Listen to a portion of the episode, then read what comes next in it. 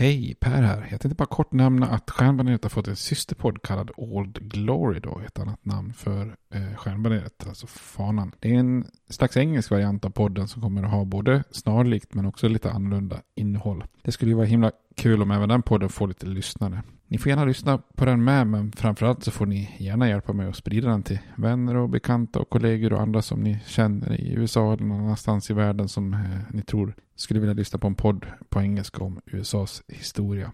Tack, det var bara det jag ville säga. Nu kommer avsnittet. Hej då! I'm Sandra, and I'm just the professional your small business was looking for. But you didn't hire me because you didn't use LinkedIn jobs. LinkedIn has professionals you can't find anywhere else, including those who aren't actively looking for a new job but might be open to the perfect role, like me. In a given month, over 70% of LinkedIn users don't visit other leading job sites. So if you're not looking on LinkedIn, you'll miss out on great candidates like Sandra. Start hiring professionals like a professional. Post your free job on linkedin.com/people today. Burrow is a furniture company known for timeless design and thoughtful construction and free shipping, and that extends to their outdoor collection. Their outdoor furniture is built to withstand the elements, featuring rust-proof stainless steel hardware, weather-ready teak, and quick-dry foam cushions. For Memorial Day, get 15% off your Burrow purchase at burrow.com slash ACAST and up to 25% off outdoor. That's up to 25% off outdoor furniture at burrow.com slash ACAST. Millions of people have lost weight with personalized plans from Noom, like Evan, who can't stand salads and still lost 50 pounds. Salads, generally, for most people, are the easy button, right? For me, that wasn't an option. I never really was a salad guy. That's just not who I am. But Noom worked for me. Get your personalized plan today at Noom.com. Real Noom user compensated to provide their story. In four weeks, the typical Noom user can expect to lose one to two pounds per week. Individual results may vary.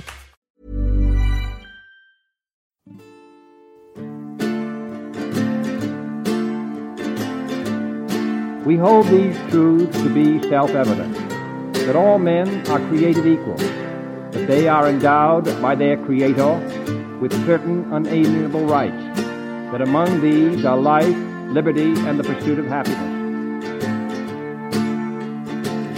Now we are engaged in a great civil war, testing that government of the people, by the people, for the people, shall not perish from the earth.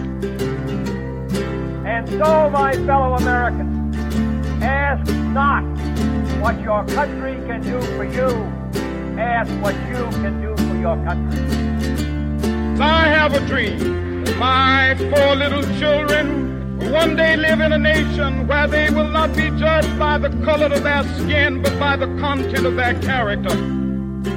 Mr. Gorbachev, tear down this wall. I did not have sexual relations with that woman, Miss Lewinsky. Ja, vi säger hej och välkomna till Stjärnbaneret igen. Japp. ja. Ja, det får du ta. Ja, vi säger hej och välkommen till Stjärnbaneret igen. Eh, en podcast om USAs historia. Eh, med mig Per och med dig Robert. Ja, igen. Jajamän. Ni blir inte av med mig. Nej, det är bra det. Annars skulle det bli för torftigt tror jag. Ja, det skulle det bli. Ja, ja. En verkligen. monolog av dig då? Eller skulle Ja, du... nej, det skulle inte bli Nej, bra. kan ju... Min roll är ju inte jättestor. Du skulle kunna ta in någon annan. Nej, jag tror det Som skulle- vikarie, sommarvikarie istället. Ja, det skulle vara en tillfällig vikarie då, Ja. annars blir det svårt tror jag. Ja. Ja. eh. Nej, Vad men... har vi framför oss idag? Jo, vi eh, tänker ju fortsätta vår översiktsserie. Vi försöker vara tydliga när vi, när vi liksom tar den här successiva serien rakt genom USAs historia istället för att göra någon avstickare. Och i förra avsnittet så var det ju väldigt mycket nationalism och expansion egentligen på alla fronter. Vi pratade ekonomi och transport och geografi och industri. Mm. Många ord som slutar på i. Mm. Eh, Men också lite politik och utrikespolitik och så vidare. Men idag ska vi framförallt se vad, vad just all den här expansionen med ekonomi och transport och allt det här får för följder rent eh, politiskt också. Då. Vi snuddar ju lite vid det på slutet. Vi sa att det kom en ekonomisk depression som där folk började ifrågasätta hela den här enorma expansionen. Då. Men en följd som det här får är ju att det leder till en ganska tydlig demokratisering som startar på 1820-talet. Så idag ska vi prata eh, om den här demokratiseringen som mycket kretsar kring två, eh, två av de viktigaste presidentvalen i USA, 1824 och 1828. Så det är väl lite grann där vi ska eh, be oss in på. Mm. Jag tror du måste säga någonting mer om vad avsnittet ska handla om för att jag ska få in mitt öltips här också. Ja, vi kommer att prata om den andra Adams som president, John Quincy Adams, Mm. som eh, blir president. Och vi kommer att prata om hur han får lite svårt att eh, få igenom sin politik. Och han är ju känd för sin utrikespolitik och vill ju fortsätta med den också. Latinamerikanska stater, vi kommer att prata om en konferens där de vägrar delta på grund av att de på grund av att Södern inte vill ha del, delegater bland svarta från Haiti och vi kommer att prata om eh, sen hur Andrew Jackson då blir en tydlig politisk motståndare och hur det första, eh, eller hur hans opposition sen tar över Mm. eh, och eh, ser till att Adams kommer bort från Vita huset. Precis. Ja. Och där fick du in, om jag ska gå över till öltipset nu eller vill du det? ja, men gör det. Du nämnde ju Haiti. Mm. Jag var tvungen att kolla upp då vad man dricker för öl på Haiti. Det största, absolut största bryggeriet och de som har flest marknadsandelar på Haiti är Prestige. Har du druckit det ölet eller? Nej, tror jag inte. Vad tror du att det är för öl? Jag tror det är en ljus Ja. En ljus lager. Passar nog i värmen där. Ja, säkert. Det är ju också namnet på en väldigt bra film tycker jag. The Prestige. Det är två stycken, vad ska man säga, illusionister eller trollkarlar som eh, Mhm. försöker bräcka varandra. I- jag skulle tro att det är början på 1900-talet. I USA? Mm, Ja, USA. okej. Mm. Det har jag inte sett. Är det någon känd skådis? Ja, fast det får jag återkomma till. så på, nej, vi kan hjälpas åt. Ska vi gubb- gubb-googla fram det? Ja, så kan kan vi vi. hjälpas åt. Han som spelar Wolverine, vad heter han? Jaha, som är med i Aus- Australien och... Ja, precis. Nej, jag, Men maskin, gud vad maskineriet går inte igång. Nej. Men vad fan heter Ja, ja, skitsamma då. Och sen är det ju han eh, Bale som spelar... Han var med i Maskinisten och han har varit en av eh, Batman. Ja, ja, Christian. Mm, Christian Mm. Bale. dem. Ja, ja, det är ju bra skådisar. Mm. Verkligen. Om jag inte nu blandar ihop det. Att det är Edward Nord. Nej. Nej, men filmen Han är också Ja, vi, vi fastnar inte vid det här. Det, det ska inte handla... Nej, det, vi det är inte filmkritiker eller Nej. kunniga inom film på det Nej. sättet. Men det är en väldigt bra film. The Prestige. Ja. Den tycker jag är värd att se. Ja, ska jag lägga på minne. Mm. Ja, det var bra. Jag hade det väldigt långsökt. Jag hade tänkt att vi skulle prata om John Quincy Adams. Och hans pappa var ju kusin till Samuel Adams. Och så tänkte jag, varför tråkigt att nämna Samuel Adams igen. Sen, Ja, du har gjort tre eller fyra gånger. så nej men vänta nu, vi måste komma in på ett annat spår. Så tänkte jag, vad ska vi prata om då? Vi ska prata om två viktiga val här. Och, och, ehm, och då tänkte jag att man, eh, vi kommer komma in på att man bör klä sig lite annorlunda här. Inte längre knäbyxor och peruk, utan att man mer går över till vanliga kläder som vi tänker idag. Och tänkte jag, knäbyxor och peruk, det är ju lite clown över det tycker jag. Och det finns ett bryggeri som heter Clown Shoes. som är väldigt bra. Gud vad långsökt. Gud vad långsökt. Så jag tänkte, det var långsökt, det var lite som Gissa den tredje. Ja. Ja, och då tänkte jag på Gissa den tredje var det ju Håkan Hellström. Nej, jag skojar. Vad hette bryggeriet så? Clown Shoes. Clown Jag har faktiskt funnit på mm, några på systemet. Väldigt, väldigt bra bryggeri i alla fall. Ja. Får jag spinna om, vidare om, en, om en väldigt tråkig långsök. Får jag spinna vidare på Ja. det då? Clown. Kommer du ihåg att jag rekommenderar en som precis har släppt som heter Send in the Clowns? Ja, just det. Just det. Mm. Mm. Mikrofonbryggeriet tillsammans med Morgondagens. Mhm. Som har gjort en Berliner Weisse, med kalaspuffar bland annat. Ja, okej. Det är inget som tilltalar dig ser jag. Jag tror den är jättebra. Jag, jag ska försöka få tag på den någon gång. Jag, jag vill inte ha för mycket tjafs i det. Nej. Ja, mm, ja. Nej men det här blir en långsökt eh, ölkoppling tycker ja. Men eh, då har vi en eh, rekommendation. Det får ju bli det då. jag. Ja. Det. Fattar du kopplingen? Ja, det Klart. fattar jag. Ja. Ja.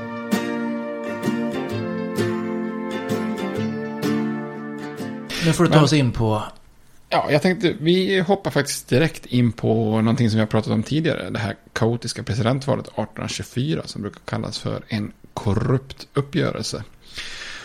Och det är ju ett eh, väldigt speciellt eh, val och typiskt den här tiden. Eh, för det märks på något vis här att USA har blivit något unikt amerikanskt, inte någon slags brittisk-europeisk förlängning. Och, Ehm, 1789 hade ju Washington blivit den första presidenten. Han var ju en aristokrat ute i fingerspetsarna. Och när han intog presidentposten så hade ju han peruk och knäbyxor och skor med silversmycken och ceremoniellt svärd och hela kittet liksom.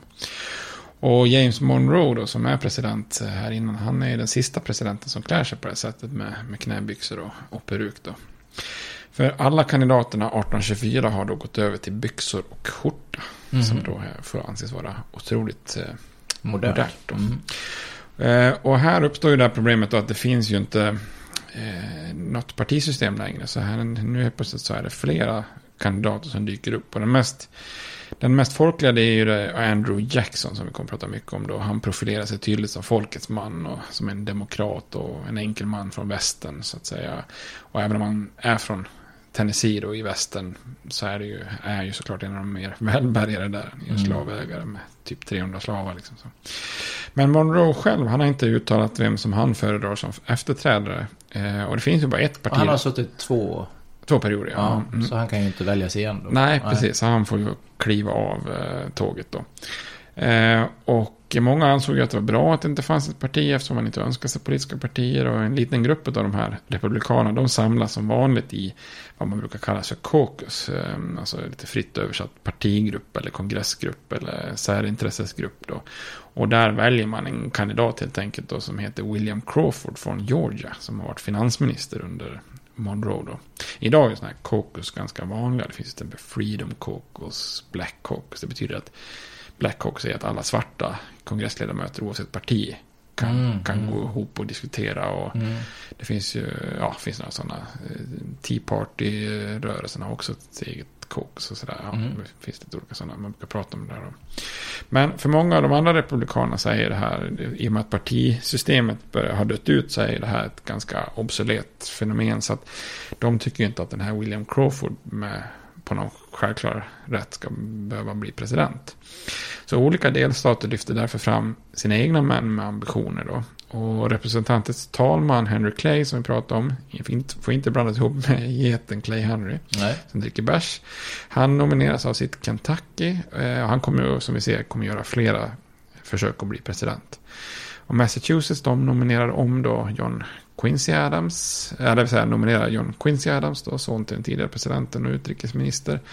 Och det är ju en stark position, för utrikesminister har ju många blivande presidenter varit. Både Monroe och eh, Madison var ju utrikesminister i sin tidigare regering. Och Jefferson var utrikesminister under Washington. Så att, att vara utrikesminister är ju en tydlig språngbräda för att bli president. Mm. Och Tennessee som vi sa nom- nominerar Andrew Jackson, och krigshjälten från slaget vid New Orleans och som har erövrat Florida och besegrat indianer och så vidare. Och sen Sydcarolina, de nominerar sin favorit då, John Calhoun som vi pratade om lite grann i, i förra avsnittet. Men han inser att det här blir en tuff kamp så han drar sig lite grann tillbaka och så låter han istället meddela att han, jag nöjer mig med att kunna bli vicepresident. Så han är lite smart då, då nästan garanterar han ju att han blir vicepresident. Men, Mm. men eh, för då avstår det högsta ämbetet.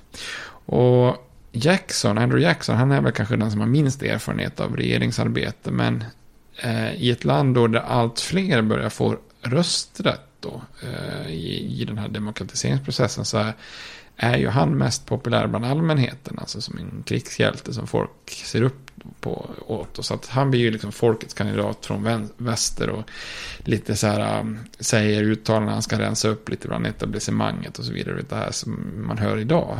Ska jag rensa upp i Washington, drain Mm. the swamp och som man säger. Eh, Det är liksom inget nytt fenomen, det finns redan här 1824 då. Och det valet blir ju extremt annorlunda för att Jackson, Andrew Jackson, han vinner flest elektorsröster. Eh, Men han lyckas ju inte få en majoritet, 50%. Och det, det betyder att om ingen har en majoritet så säger konstitutionen att eh, representanthuset ska välja president bland de tre främsta kandidaterna. Vilket är då Jackson, Adams och den här Crawford. Mm. Eh, och det lite ironiska i det är ju att Henry Clay, han har ju då precis missat chansen eftersom han blev fyra i valet.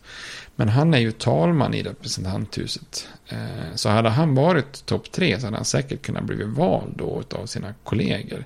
Även om det har varit lite konstigt eftersom han satt som ordförande. Så Mm. knappt, så, ja. eh, Så istället så uppstår ju den här underliga, situationen att han nu har väldigt stor möjlighet att påverka valet bland sina konkurrenter. Då. Och Clay han kan inte tänka sig Jackson som han ser som en eh, farlig militär som har invaderat Florida. Han var ju väldigt kritisk då som vi pratade om i förra avsnittet.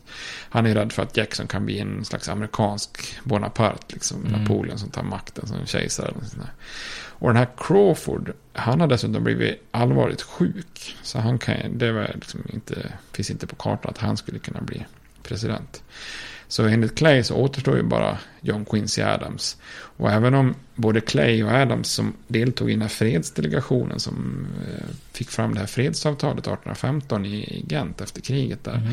Så eh, även om de var lite oense där så är deras politiska idéer mer lika. Så att Adams han skulle ju garanterat stödja Clays, det här amerikanska systemet som vi pratade om med nationell bank och infrastruktursatsningar och sånt där. Så att eh, efter ett besök hos Adams så, så pratade de ihop sig och då kunde ju Clay att jag stödjer John Quincy Adams då. Och i den här omröstningen i representanthuset eh, går det till så att varje delstatsdelegation har en röst. Och Adams blir då vald av 13 delstater av totalt eh, 24. Och valet 1824 är det första och enda som har avgjorts på det här sättet. Alltså att kongressens representanthus har gått in och eh, valt president. Och det skulle kunna ske, det låter jävligt konstigt, men skulle kunna ske rent teoretiskt även idag. Ja, det var min fråga här. Skulle det ja, kunna ske idag liksom? Ja, alltså rent teoretiskt skulle det kunna det. För om det skulle uppstå ett tredje parti som blir så pass, liksom, nu när det uppstår tredje parti så naggar de ju liksom några procent i kanten, men de vinner ju mm. väldigt få elektorsröster. Mm. Men skulle det uppstå något slags, liksom kanske mer regionalt parti eller någonting som verkligen börjar vinna elektorsröster som gör att då den kandidaten plus Demokraterna och Republikanernas kandidat, att ingen av de tre får 50% av elektorsrösterna. Nej. Då skulle ju valet hamna i, i eh, kongressen. Mm, i ja, det. Så det skulle ju kunna uppstå, men ja. Det är inte troligt just nu i en nära framtid. Men någon gång kanske. Ja, man, man, man vet aldrig. Det skulle kunna hända. Det här, och det här känns ju jäkligt konstigt då. Men man ska komma ihåg att grundlagsfäderna tänkte sig ju egentligen kanske att det var så här de flesta val skulle avgöras. För man såg ju inte det här med partier. Och man såg att det var geografiskt ganska svårt för människor i en del av landet att lära känna någon, eller veta vilka kandidater som fanns som kunde vara bra som president i andra delar av länderna, i landet. Så man hade ju tänkt sig att de här, man röstade fram de här elektorerna, det var liksom smarta män som sen då skulle kunna välja bland ett antal kandidater som har kommit från de olika delstaterna och att man då utsåg någon liksom någon, någon, någon bra eh, herre där. Så att det var ju egentligen så här som det var tänkt att systemet skulle fungera från mm. första början om man säger. Men du kan ju tänka dig vad Andrew Jackson tycker om det här. Han, ja, han blir väl fly förbannad över detta. Ja, han är ju, han är ju riktigt eh, putt här och eh, riktigt bitter. Han tar det väl personligt, det kanske han ska göra också. Ja, det får han väl nästan göra och det gör han ju. Han, han är en sån som tar mycket personligt där. Eh, som vi kommer att komma till. Och han, ser, han anser att han var värd att nämnas eftersom han var den kandidat som hade haft störst stöd av alla de här. Och då tycker han att då borde ju kongressen ha valt honom då. Dessutom så tycker han ju att Adams och Clay har liksom bedragit honom därför att det blir inte bättre för att en av de första åtgärderna som Adams gör är ju att utse Clay till utrikesminister. Eh, och eftersom folk vet att de har träffats innan så är det ju många som tror att man gjorde en deal där. Att Clay mm. sa så ja men om jag får bli din utrikesminister så, så ser jag till att du blir president. Ja, ja. okej, okay, att man tog i handen då. Så man brukar kalla det här för en korrupt uppgörelse då, om man är kritisk då. Jackson går ju i taket kring det här då. Och, ehm, och Jackson, han kallar ju Clay för västens Judas. Oj. ja, det är lite Trump över det, jag har mm. smeknamn då. Så han säger bara så här till en. Uh, so you see, the Judas of the West has closed the contract and will, receive the 30 pieces of silver. Mm. ja, så nu börjar vi hetta till här i ja, politiken. Verkligen. Ja. Eh, så att... Eh, Men ser han sig själv som Jesus då? Eller? ja, kanske. Jag vet inte. Gud antar ja. eh, Nej, och han spelar ju an lite här på för att eh, Clay brukar kallas för Harry of the West. Och då, mm. ja, Judas of the West blir ju enkelt att liksom, ta till helt enkelt.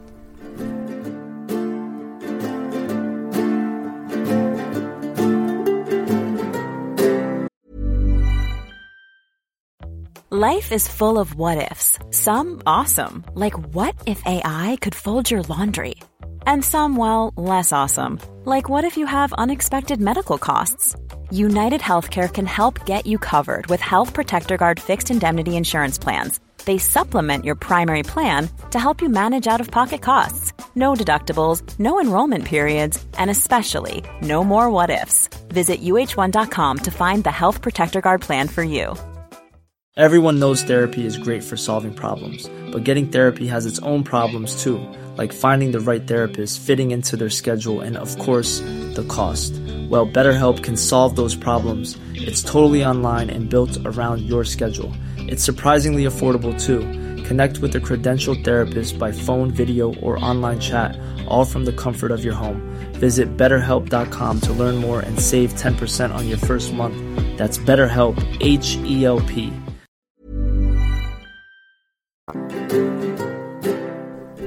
Men då är valet avgjort i alla fall. Och eh, USA har fått en ny president. Hur, eh, hur är han som president här då? Quincy. Quincy, ja, vi kanske kallar honom bara Quincy. Ja, jag vet inte, jag gillar... Ja, det är lite långt med John Quincy Adams. Man kan Ja. inte heller kalla honom för bara John Adams heller för det blir Nej, eller bara Adams. Jag tycker Quincy är bra. Adams. Ja. Quincy, ja.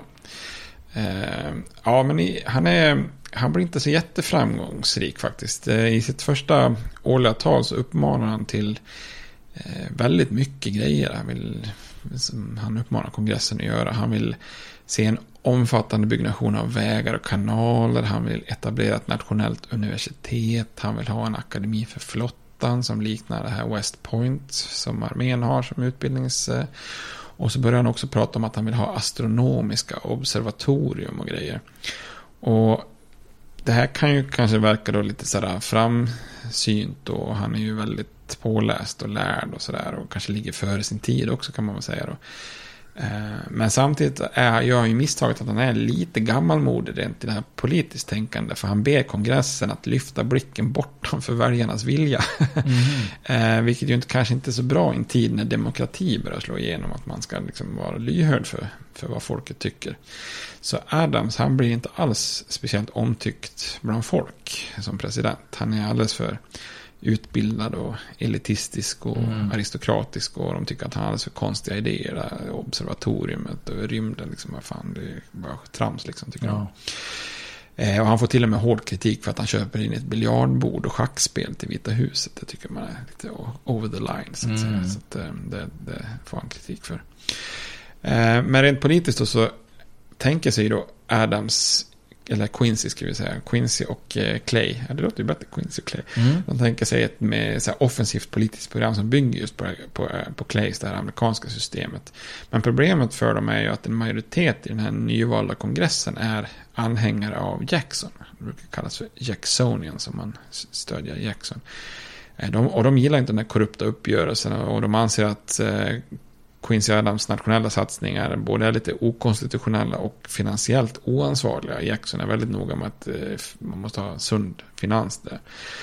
Och speciellt det astronomiska observatoriet får bli ju ett föremål för mycket skämt då. Eh, och när en, när en känd ledamot eh, som heter John Randolph kritiserar Adams så och Clay så blir Clay så upprörd att han till och med utmanar till duell. Då, det här, som ofta sker i Mm. tidigare amerikanska Ja, de har inte historier. lagt av med det. Nej, fortfarande inte. Nej. Det är ingen som skadar sig, men Clays kula går igenom Randolphs byxa. Så den här, Oj. Ja. ja, det är lite lustigt. Eh, Med andra ord så sköt han inte rakt upp i luften. Nej, det gjorde han inte. Nej. Som vi kommer att se så har ju Andrew Jackson också varit involverad i mycket dueller. Ja, det kan jag tänka mig. Han verkar ju Ja, han är sjövild. Det, trigger happy. Ja, ja. Men Adams då, som, eh, han har ju tidigare varit otroligt framgångsrik som utrikesminister då, med utrikespolitik och den här mm, Monroe-doktrinen och det här. Och, eh, han hoppas ju på att det ska bli mycket framgångar även nu då under sin presidentskap. Då. Och då inträffar en händelse där den Venezuelas eh, frigörare, som vi pratade om, Simon Bolivar, eller Bolivar, eller vad heter Mm. det? Bolivar? Ja. Eh, han kallar till en amerikansk konferens i Panama 1826. Alltså att alla amerikanska länder ska samlas till en konferens. Och Adams han vill ju då såklart att USA ska delta och då utser han kandidater som ska delta. Men de måste godkännas av kongressen då. Och då är problemet att ett av de här länderna som deltar är Haiti. Och Haitis historia det är ju det att det är några slavar där som gör uppror och revolution och liksom vinner ett frihetskrig. Så det är ju liksom den första liksom svarta självständiga nationen som, Mm. som existerar då. Och då blir det en väldigt stark opposition mot Adams i, i, i södern där. För att för dem är det ju helt otänkbart att liksom, här ska vita amerikaner åka till en konferens och mingla runt där bland svarta deltagare. Det, är liksom, det finns ju inte på kartan i deras Nej. värld. Det skulle ju vara oerhört eh, förnedrande. Det skulle de känna sig kränkta med, Mm. eh, om man ska ta ett modernt ord. Eh, så att då dröjer de och drar ut på det här godkännandet av kandidaterna. Så till slut godkänns de så sent så att när de anländer så är konferensen över. Nej. ja, taskigt att skicka hit Ja, dem. verkligen. Jag tror faktiskt att de åkte till och med. Liksom, så kommer fram för sent. Ja. Och det här är ju, tar ju Adams lite hårt. Det tycker han är tråkigt. Då. En annan motgång är också att hans, hans eh, administration försöker stödja nya tullar. Då, för de har ju följt med industrialisering och så här ska, vill de ha nya skydds, skyddstullar. Och det är då ett antal nya tullar som röstas igenom 1828. Eh, och det är ju mycket den här ullindustrin i New England som önskar sig så då skyddstullar för att kunna konkurrera med brittiska varor. Mm.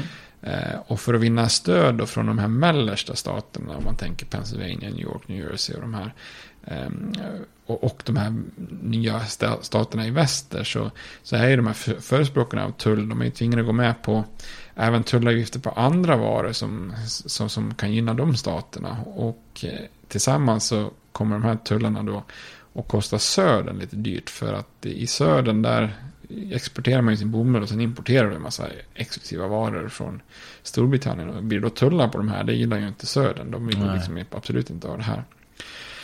Så genom att skriva under den här lagen så gör, gör ju sig John Quincy Adams då till söderns liksom fiende nummer ett.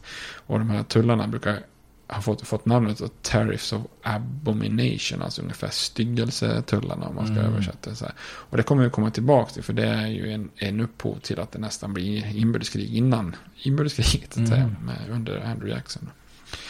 Så man kan väl sammanfatta Adams presidentperiod med att eh, det är en enorm eh, kontrast mellan vad Adams har för ambitioner och vad som faktiskt genomförs. Det är ett slags dödläge mellan presidenten och kongressen och det händer inte så mycket alls. Och det lilla som händer då i form av den här konferensen och tullarna, det blir ytterst kontroversiellt. Mm. Och det är som att hela, hela Adams presidentperiod präglas av den här liksom dåliga starten med det här lite annorlunda valet och lite svaga mandatet och den här korrupta uppgörelsen som många ser det som då. Eh, Så det är väl lite så, svårt att komma över. Har man fått en dålig start så har man liksom det, det, det är svårt att komma över.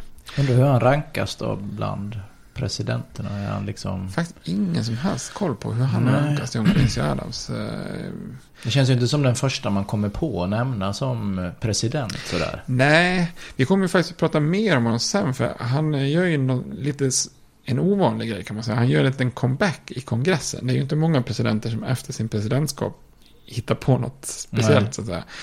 Eh, Men han kommer faktiskt att segla upp som en eh, kongressledamot som kämpar stenhårt mot slaveriet. Mhm.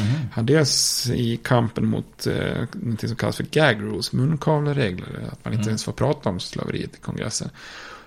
Och även då kommer han att bli en försvarare i det här fallet med det här skeppet, La Amistad, som ni gjort i en Ja, film. just. Mm. Så att han är ju med i den filmen. Eh, Han spelas väl av Anthony Hopkins tror jag, i, Okej, okej. i, i eh, La Amistad. Den har vi nämnt va? Jag tror vi gjorde det, men vi kommer, Tidigt. vi kommer väl komma tillbaka till den. Då, men, Ja, eh, det får vi men där är ju eh, Anthony Hopkins gör ett bra porträtt av honom. Mm. Eller, jag, jag bygger inte det på nästan någonting annat än jag Men han är en bra skådespelare, Ja, bra, Hopkins. bra skådis i Mm. alla fall. Ehm, så eh, som kurio, kur- kuriosa kan man faktiskt säga att han är den första presidenten som blir fotograferad. Mhm. Tror jag i alla fall. Ja. Jag har varit osäker när jag väl sa det, men jag tror att han är den första som, han är den första som fångas på bild har jag för mig. För jag Okej, vet att det okej. finns någon bild på honom i alla fall, en gammal grå gubbe. Liksom, så. Det får vi kolla upp. Ja, det kan vi göra. Men det här med att eh, inte få, alltså att ambitionerna är större än att vad man får igenom, att det i kongressen och att det är få grejer man får igenom blir otroligt kontroversiellt. Det gör ju att jag, man skulle kunna säga att det finns otroliga likheter med Obama faktiskt. Eh, Han hade ju enorma eh, förväntningar ambitioner Mm. där, eh, change, vad heter han? Yes We Can och Mm. alla det där. Och det var ju enorma förväntningar. Han fick nästan Nobels fredspris i förväg. Mm. Ja. Eh, och sen så stoppar ju Republikanerna det mesta. Och eh, den stora framgången som man får igenom är ju sjukvårdsreformen som ju blir extremt kontroversiell. Liksom mm. Sådär. Eh, så att det är ganska, ja, Obama och Quincy är ganska likt om mm. man jämför, gör en liten jämförelse.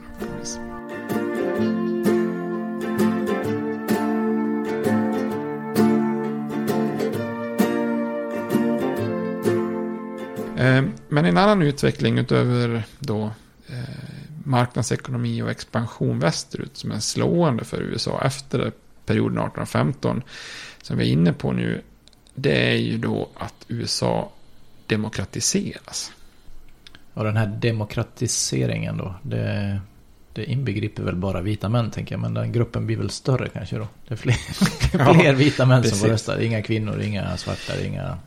Nej, precis. Nej. Det handlar bara om vita män. Mm. Alla kvinnor, inga ursprungsamerikaner, inga afroamerikaner. Vare sig slavar eller fria ska man säga då. Nej.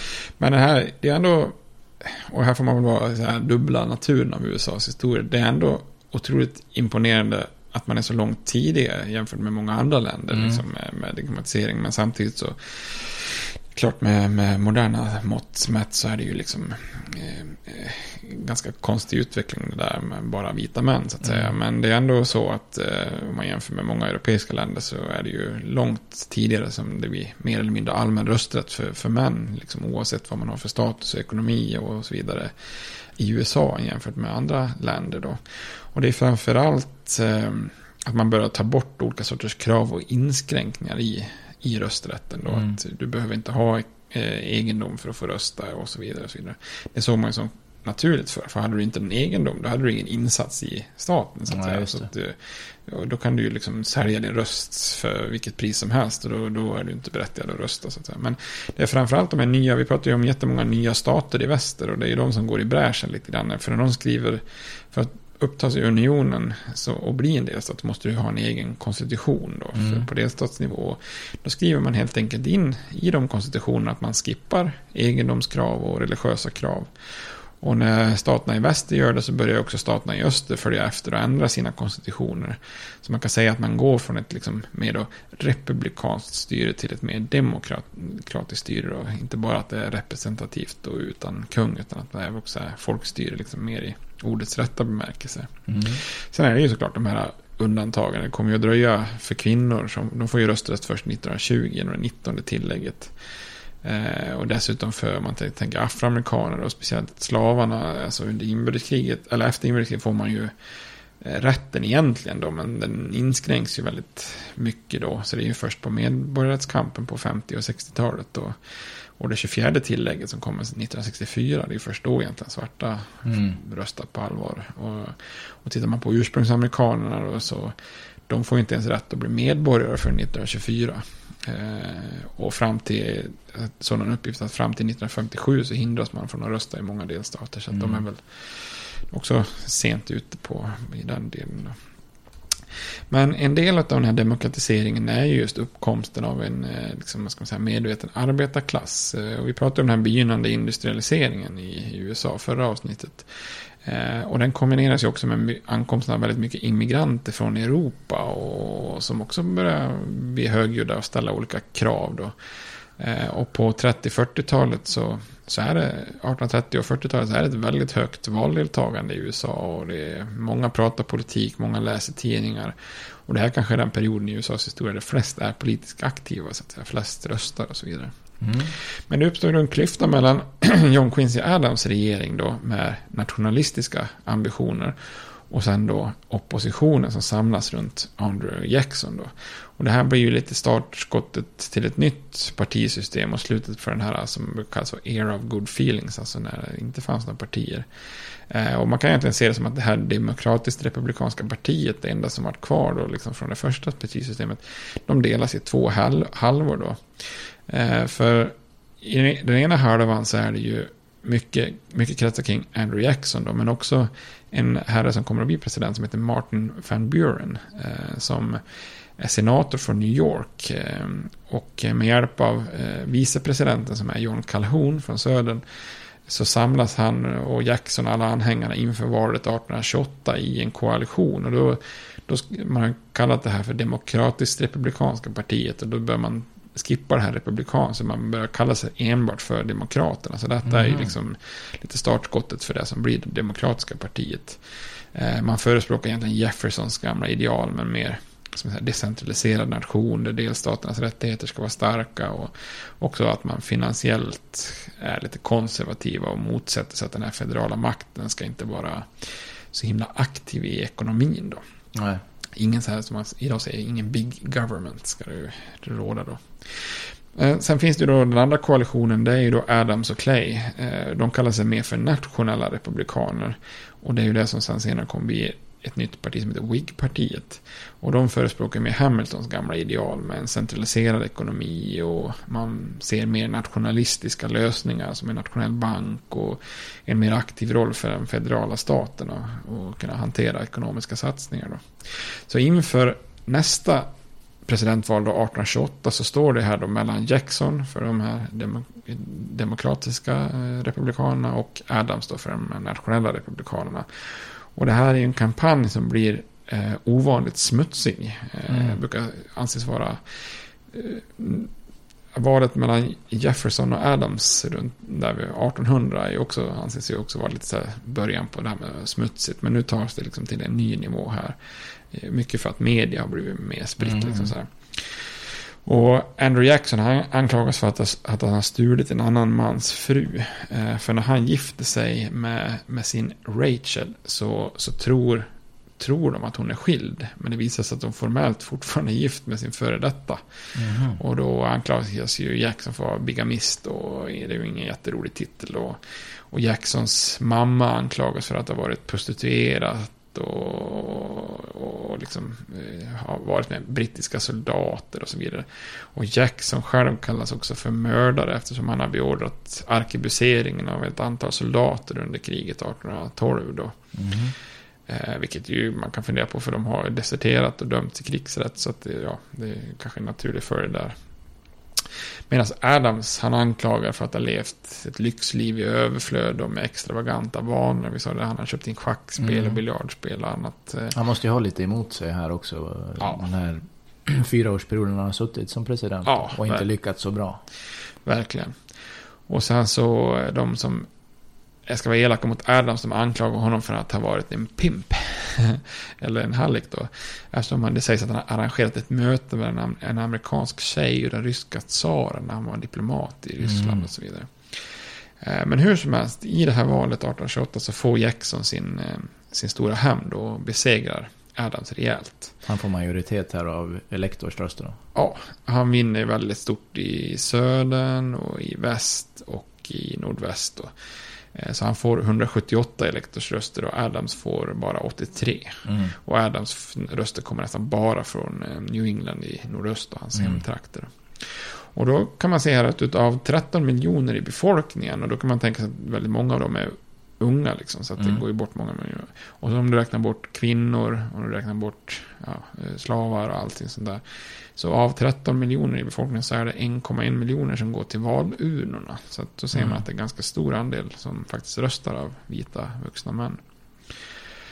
Och för Jacksons anhängare så är ju valet 1828 nästan lika viktigt som när Jefferson vann 1800. Det brukar kallas ju för, eh, vad heter det, revolutionen 1800. Mm. Att det var så viktigt med maktskiftet här. Och, och här tycker man att nu var det dags för en till sån här liksom, revolution. Att än en gång så skulle de här privilegierna drivas bort från Washington. Och, och än en gång så skulle liksom demokratins förkämpe då överta presidentposten.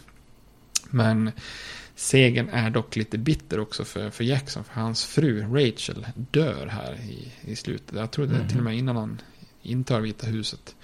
Och Jackson han tror ju att det är den här smutsiga valkampanjen som som upprör henne så mycket mm. att hon går bort. Så att han, det här gör att han aldrig någonsin kommer att förlåta sina motståndare, Clay och Adams där.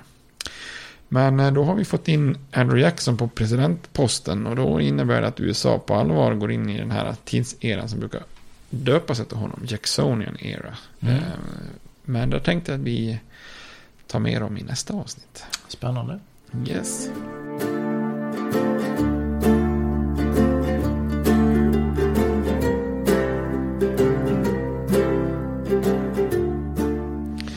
Och vi kan väl också säga så här, följ oss gärna på, eh, ge oss gärna betyg på iTunes eh, och följ oss gärna i sociala medier. Då får ni ju info om avsnitten och brukar lägga lite bilder och eventuellt också kartor ibland. Och, eh, på Twitter försöker vi också sprida historisk information då. Så följ oss gärna på Facebook, Instagram, Twitter och Och sprid gärna podden till vänner och bekanta. Det vet jag att många redan har gjort. Men det är ju alltid kul med fler lyssnare. Och dela gärna på Facebook och retweeta och så. Ja, och skriv mail om ni har frågor eller synpunkter på programmen, avsnitten. Yes, det får ni gärna göra. Mm. Har vi något... Eh, du hade en öl från Haiti. Har vi något annat? Eh, på Nej, vi måste väl nämna efternamnet. Vi har ju nämnt den personen tidigare. Henry Clay heter han här va? Ja. Vilken är den mest kända Clay annars, tänker du? Oj, satte du mig på pottkanten? Jag trodde inte den var så svår. Är det det? Ja, vilken tänker du? Cassius Clay. Ja, ja, klassiskt. Den gode Mohammed Ja. Ali. Ja, ja, ja. ja. Men vi har ju nämnt honom tidigare. Var inte det i programmet om Tennessee? Inte han född där i? Ja, eh, Kentucky va? Louis- Kentucky, Louisville. ja. Louisville. Mm, Mm, mm. det stämmer. Mm. Yes, ja men det är ju de, eh, både ja, Jackson och, eh, och Clay är ju från de här områdena. Vi Mm. pratar mycket Tennessee och Kentucky nu. Så. Det passar bra. Ja. Så jag ska inte göra så mycket mer än så. Det, vi har ju nämnt honom tidigare. Men man är ju tvungen att ta upp det med Ja. efternamnet här tycker jag. Ja. Vad heter den där matchen de spelade i Zaire? The det Rumble in the Jungle. Ja, just det, just mot Ja. eh, Foreman. Ja, ja. George Foreman. Det var en bra eh, låt med va? Mm. Ja, det var Fugees och... Ja, han är med i alla fall. Wycliffe Jean är väl Ja. med på dem. Men jag kommer inte ihåg om det är Ja. Fuji som har gjort det. Nej, det kanske inte är... Ja. Och en Ja, bra bra. film där Will Smith spelar Muhammad Ali också. Den har jag faktiskt inte sett. Har du inte? Nej, den borde jag... Det får vara på min filmlista. Ja, det tycker jag. Gör han en bra insats? Ja, det tycker Mm. jag. Han, är väl, han har vi nämnt flera gånger också, Will Smith. Ja, precis. Ja, men det det är några han- återkommande personer här när vi pratar om USAs historia. Precis, ja. Vi är inte så superbreda. Nej, det kanske vi inte Ja, ja men det är bra. Men... Eh, I övrigt, vi har inte nämnt så mycket städer och stater. Det blev ju mycket av de här två personerna. Eller två, eh, mycket om personer. ja, precis. Eh, Quincy och Clay och så Andrew Jackson. Ja, Så jag tror vi får nöja oss där. Det blir lite kortare avsnitt idag. ja det Ja. blir bra. Men eh, då säger vi hej så länge. Hej! Hej. States like these and their terrorist allies constitute an axis of evil. And if the hippies and the yippies and the disruptors of the systems that Washington and Lincoln as presidents brought forth in this country will shut up and work within our free system of government, I will lower my voice. if the impeachment provision in the Constitution of the United States will not reach the offenses charged here, then perhaps that 18th century Constitution should be abandoned to a 20th century paper shredder. Therefore, I shall resign the presidency effective at noon tomorrow.